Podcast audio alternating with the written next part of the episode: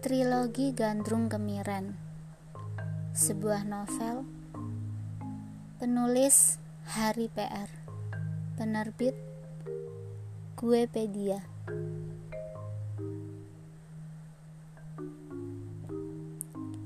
Kata pengantar. Bagi saya, menulis novel sama halnya berbincang dengan diri sendiri. Karena berbincang dengan diri sendiri maka tidak perlu ada istilah kategori pembaca. Jikapun ada, maka pembaca itu hanyalah saya sendiri. Tidak perlu orang lain, tapi jika pembaca itu harus orang lain, maka saya memberi kebebasan imajinasi kepada pembaca. Memang benar, saya coba menghidupkan tulisan dalam angan-angan, tapi apa pun itu bagaikan bayangan yang tidak dapat dipegang bagi saya sangat wajar karena novel ini banyak garis-garis kalimat yang hanya hidup dalam bayang-bayang saya sendiri.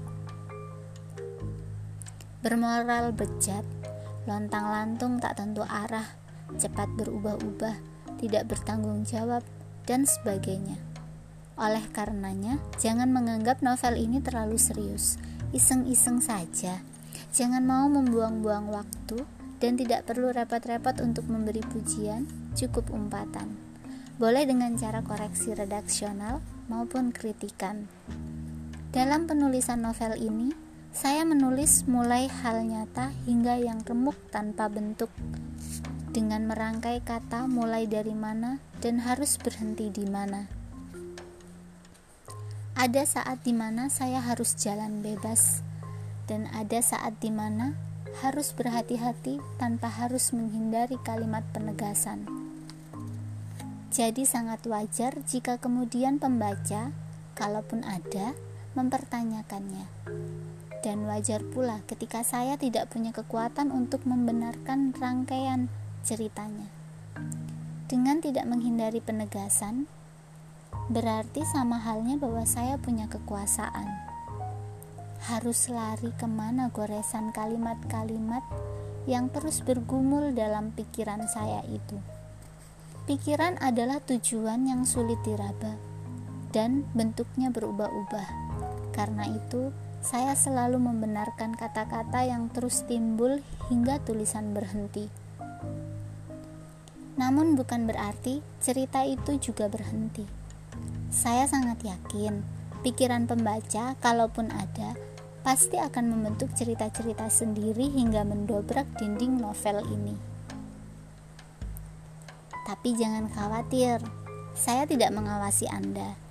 Bagi saya, dengan tidak mengawasi berarti saya memberikan kebebasan penuh terhadap sikap, penderitaan, dan tindakan pembaca untuk melanjutkan cerita-cerita novel ini. Percayalah, saya pasti membenarkan dengan segala penilaian terbaik saya, karena saya yakin pembaca pasti akan didesak dengan pikiran-pikiran yang entah hendak ke mana. Bukankah prinsip pikiran itu akan berloncatan ke berbagai objek, bukan subjek yang menentukan kapan harus berpikir, karena berpihak pada objek dalam konteks novel ini, semua pasti serba kebetulan. Jangan salah, Suatu kebetulan ternyata bukan rangkaian kosong yang tidak mempunyai arti apa-apa.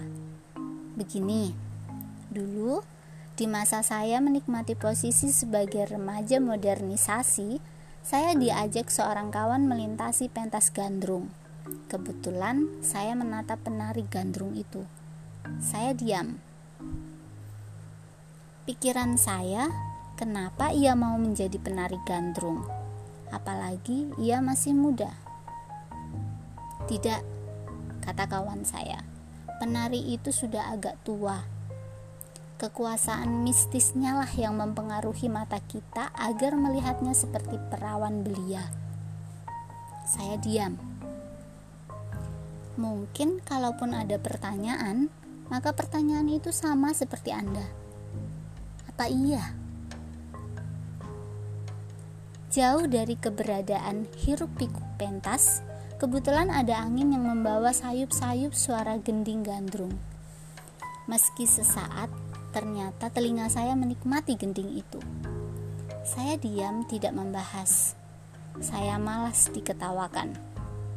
Setelah waktu berselang, kebetulan saya ke Kemiren untuk melihat keadaan kawan yang katanya kesurupan. Di sana, kebetulan ada obrolan-obrolan tentang omprok gandrung. Saya hanya mendengar perbincangan mereka sampai selesai. Jauh setelah kejadian itu, saya membaca koran harian. Kebetulan, kolomnya memuat ritual penobatan gandrung kemiren kepada Buyut Cili, leluhur kemiren. Keesokan harinya, kebetulan ada seorang kawan yang menceritakan tentang gandrung. Saya menjadi pendengar. Sedang kawan saya panjang lebar menceritakan fenomena terang, remang-remang, dan kegelapan. Saya berpikir, Apakah rangkaian kebetulan itu merupakan perjalanan mistis yang kemudian menjadi suatu penghayatan dan mendarah daging dalam penulisan? Kira-kira wajar jika saya memiliki pemikiran demikian. Bukankah kebetulan itu terus terangkai seperti tak terbatas? Jangan-jangan kebetulan itulah yang membuat pikiran saya bercerita. Tentu saja Mula-mula saya tidak dapat merumuskan hubungan kebetulan itu. Kalaupun ada, paling-paling saya mengatakan jika kebetulan itu sangat emosional. Tapi lambat laun saya merasakan penderitaan, obsesi kebetulan yang berada dalam pikiran. Saya berusaha menelusuri kebetulan itu Ternyata kebetulan itu justru memerintah saya untuk menulis gandrung dari berbagai sudut pandang. Karena seperti perintah batin, maka saya mengikutinya. Kebetulan rangkaian tulisan itu saya mulai beberapa minggu setelah anak kedua saya berada dalam kandungan. Saya berpikir jangan-jangan kebetulan itu mengantarkan saya untuk memberi persembahan kepada jabang bayi. Karena jauh sebelum datangnya kebetulan ini, saya juga mengurai kebetulan masa lalu yang bertajuk Elegi Angin Pagi. Novel itu saya tulis di tahun 2007 ketika bunga pendamping saya mengandung bayi pertama yang bernama Semilir Angin Nusantara, Masan.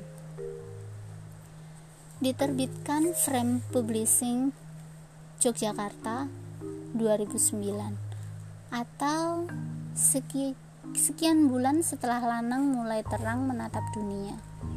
Karena kebetulan itu melekat pada persembahan batin, maka uraian ini saya usahakan untuk tidak sembarangan.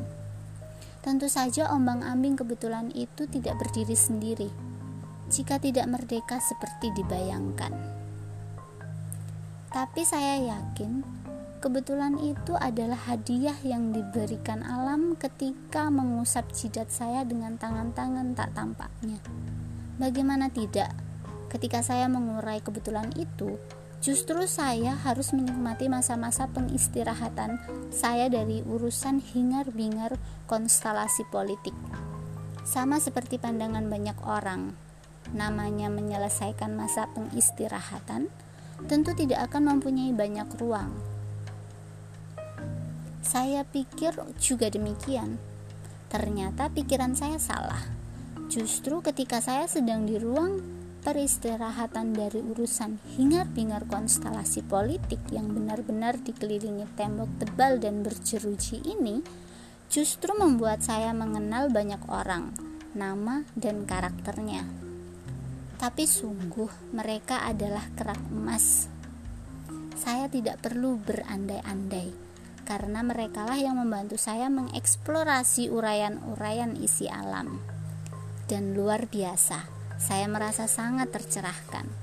Saya juga heran, kenapa ruang peristirahatan ini justru membuat saya seperti berada di lingkari batuan permata. Tapi sudahlah, pembaca, kalaupun itu ada, tidak perlu gusar karena dalam penulisan ini saya memang tidak menampung semua kebetulan itu. Ada banyak hal yang harus saya usir. Saya ingin tulisan ini totalitas, baik pada ruang nyata maupun ruang fiksi. Saya menganggap bahwa kebetulan itu adalah kristal-kristal yang memiliki arti. Kalaupun ada cerita tumpang tindih dan tidak berhubungan langsung, bagi saya itu merupakan bagian integritas totalitas dalam penulisan. Demikian juga ketika Gandrum harus bertemu dengan keseriusan budaya mistis, kebebasan transaksional, dan konstelasi politik. Sekali lagi, kebetulan itu tidaklah sembarangan. Yang jelas, dalam penulisan novel ini, saya menguraikan peristiwa-peristiwa kebetulan menjadi pandangan saya sendiri yang meloncat-loncat pada lingkaran nyata dan fiksi. Oleh karenanya, saya tidak terlalu panjang lebar, karena pembaca, jikapun itu ada, masih membaca berlembar-lembar tulisan. Terima kasih kepada semua pihak. Kebetulan saat ini adalah peringatan kelahiran saya. Barusan saya dapat kabar jika perempuan yang mengandung anak saya itu mengalami kontraksi kehamilan. Mungkin pemilik persembahan novel ini akan lahir, tapi mungkin saja besok. Saya berpikir, bukankah usia kehamilan masih 8 bulan 3 minggu? Apakah janin itu akan lahir prematur? Entahlah. Yang jelas, menurut diagnosa dokter melalui USG 4 dimensi, janin tersebut berkelamin laki-laki dan ruang geraknya terbatas karena lilitan usus. Tapi sudahlah, saya mengalir saja dengan kemauan alam. Mengalir berarti air. Baiklah, akan saya ikuti kemauan aliran kebetulan alam. Janin itu akan saya beri nama Gemericik Air Bening Indonesia panggil dia Bung Gabi. Banyuwangi, 20 September 2012. Penulis Hari Prianto.